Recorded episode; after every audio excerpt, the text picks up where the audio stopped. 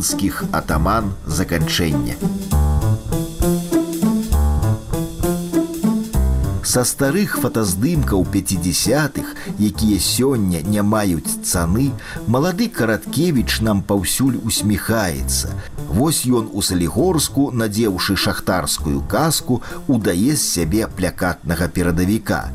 Вось ён у ролі безнадзейнага вар'ята. Вось ён у кампаніі сяброў разваліўся на траве.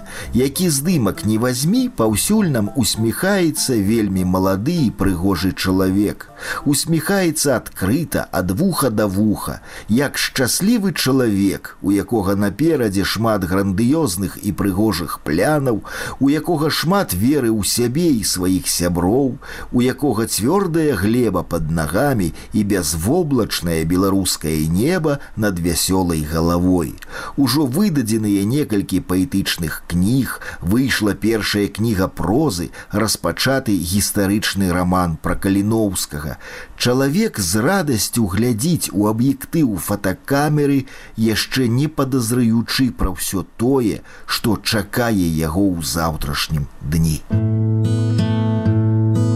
Что вы мне кажете про победу, дачу, інфаркт і стары гемарой, студэнт-першакурснік два тыдні не абедаў, і вось ён на танцах з дзяўчынай сваёй. Бэзу вільготны салодкі водар, у яго руцэ каханай рука, і гэта нічога, што зусім не па модзе, локці вылезлі з пінжака, а вальс цячэ і ігрывая мара танцуе з ім між дрэў над ракой. Думаеце, ён бы згадзіў рашыўся зараз змяніць яе на ваш гемарой. Малады і вясёлы, хоць суткі не еўшы, з непахісным сумленнем у добрых вачах, Ён ляпае адарванай падэшвай і шчасце, шчасце трымае ў руках.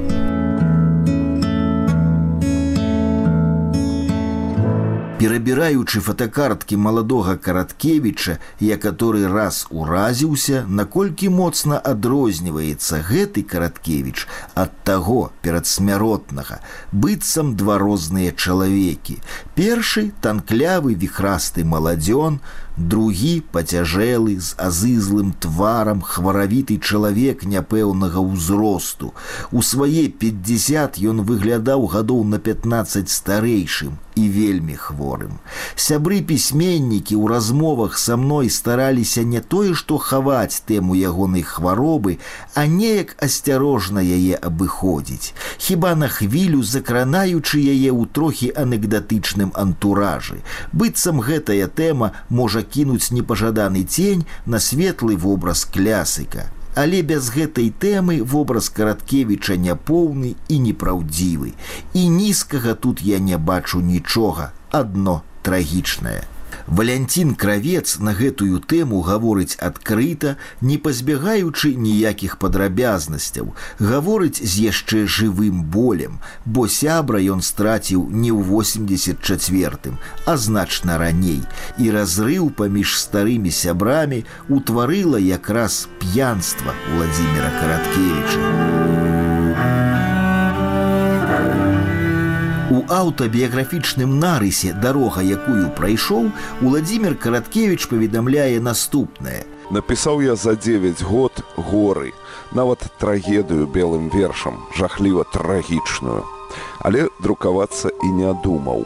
У канцы першага году маёй настаўніцкай работы адбылося, аднак, нечаканае менскі сябра попрасіў мяне даслаць яму вершы пачытаць я даслаў як бывала і раней а ён панёс іх у часопіс полымя і раптам улетку 55 -го году я атрымаў нумар часопіса са сваім вершам машека гэта пераламіла мой лёс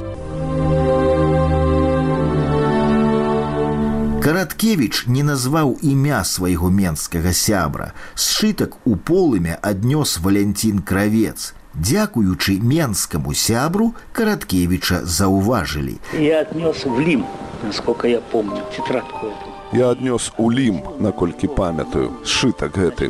І першы верш, на які звярнулі ўвагу, заяц варыць піва. І выскачыла з галавы хто з пісьменнікаў Вялюгін. Вялюгін сыграў нейкую ролю. І калі воўка трапіў у Менск, яго падабрала кампанія. Быў такі Бялевіч Антон. І каля яго групавалася невялікая кучка. Туды часам патрапляў макаёнак. Брыль туды не заходзіў. Гэта была каста вышэйшая і не петушчая. А там збіраліся петушчыя. А воўка, пакуль ён не трапіў у Маскву на літаратурныя курсы, ён мог выпіць, але не піў. Усё пачалося з вышэйшых літаратурных курсаў. Я туды прыязджаў у гэты зялёны дом у Маскве. Гэта была багема. Калі сёння я атрымаў ганарар, дык павінен з сябрамі яго прапіць. Заўтра ты атрымаў ганарар. І так гэта вялося і вялося і ў Менску. П'янкі працякалі ў Бялевіча. Быў традыцыйны індык, якога жонка гатавала. Збіраліся, чыталі адзін адному, што яны напісалі. Потым прыходзіў у дом мастрейка і чытаў такія рэчы, якія нават сказаць нельга. Пасля ён ад гэтай кампаніі адышоў. Он как-то от этой компании отошел. П'янства, па словах краўца, пачалося на вышэйшых літаратурных курсах у Маскве. 1960 год. Уладзіміру Караткевічу ўжо 30. Да он пил регулярно. Москва его уробила. Ён піў рэгулярна. Масква яго ўгробіла. Я прыходзіў да яго на веры харужай, адчыняюцца дзверы мама. Валік прыйшоў. Ён зрываецца з месца. Апраўданне ёсць. Бяжыць побач крама прыносіць дзве бутэлькі гарэлкі. Сядаем. Адну бутэльку ён адразу за кнігі. Выпівае 150-200 грам. Прабач і пайшоў, лёг спаць. Усё. Валік як дурань сядзіць. Раз, два, тры, пять, десять. І я перастаў хадзіць. Раз, два, три, пять, десять. Я перестал ходить. Я работал в политехническом институте. Я працаваў у палітэхнічным інстытуце. І вось у мяне нейкія заняткі. Воўка звоніць. Валька, я ўжо зняў столік у Беларусі. Я сяджу адзін. Тут ужо ўсё прынеслі. Я кажу, я заняты. Замяніся, замяніся і ўсё. Прыходзілася замяняцца і вось так увесь час. Я бы рана ці позна стаў такім самым алкаголікам, як воўка. Я бы тоже рано или поздно стал бы таким же алкоголиком, как и Вовка.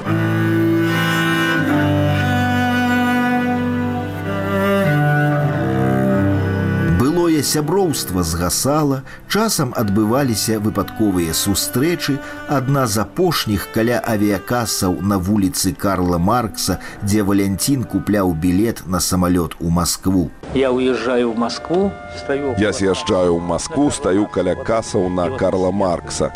І ён зверху ідзе ад свайго дому, ад тэатру. Раніца.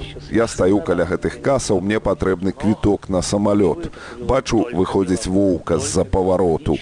Бярэ папку паміж ног, закурвае, а курыў ён толькі беламор. Закурвае ідзе насустрач мне.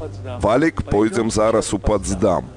А час 9 раніцы. Які падздам, я лячу зараз у Маскву. Ды кінь гэта ўсё.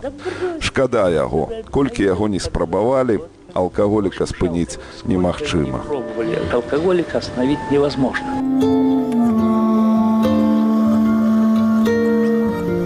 Што Уладзіміра Караткевіча штурхала да заўчаснай смерці, ці толькі усемагутная хвароба, бо піў ён заўважым не дзеля таго, каб працягнуць свята, актыўнічаць, ператвараць п'янку ў вар'яцкі перформанс.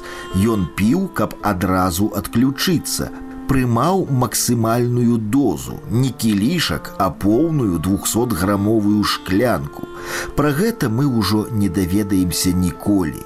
Як не даведаемся, якім узлётам дараваўся яму паэтычны радок і чаго каштаваў пісьменніку кожны ўзмах цэнзарскіх нажніцаў. Ну и все, и вот так вот потихоньку все это скатилось, скатилось. І вось так патроху ўсё гэта скацілася. Талент, які згублены гарэлкай, мог бы яшчэ пісаць і зараз бы пісаў. Я памятаю ягоныя ідэі. Ён малады быў, кажа, моя мара. Я хачу напісаць сем раманаў па гісторыі Беларусі. І фактычна ён напісаў не сем, а адзін каласы пад сярпом тваім. А ён бы напісаў, калі б яго не спыніла гэтая праклятая гарэлка. А спыніць яго ніхто не мог. Ні мама, ні я, ні блізкія сябры. Ни близкие другие друзья.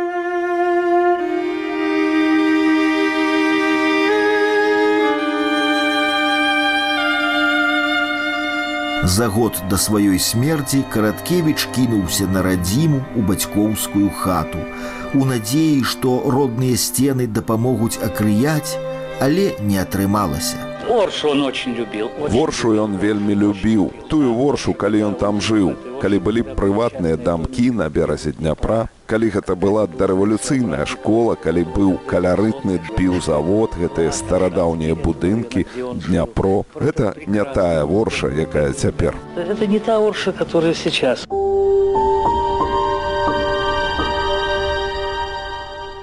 1980 годзе да 50-х угодкаў караткевіча у выдавецтве мастацкая літаратура выйшаў ягоны двухтомнік. Прадмову да выдання напісаў Васіль быкаў. Чытаючы сёння тую прадмову цяжка пазбавіцца ад уражання, што чытаеш некралёг. Хоць караткевічу жыць яшчэ чатыры гады.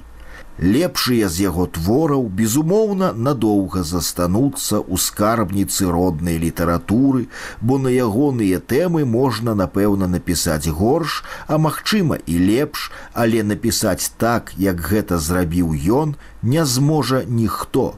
Мастакі з такім выразна адметным талентам, з такім своеасаблівым бачаннем свету нараджаюцца нячаста.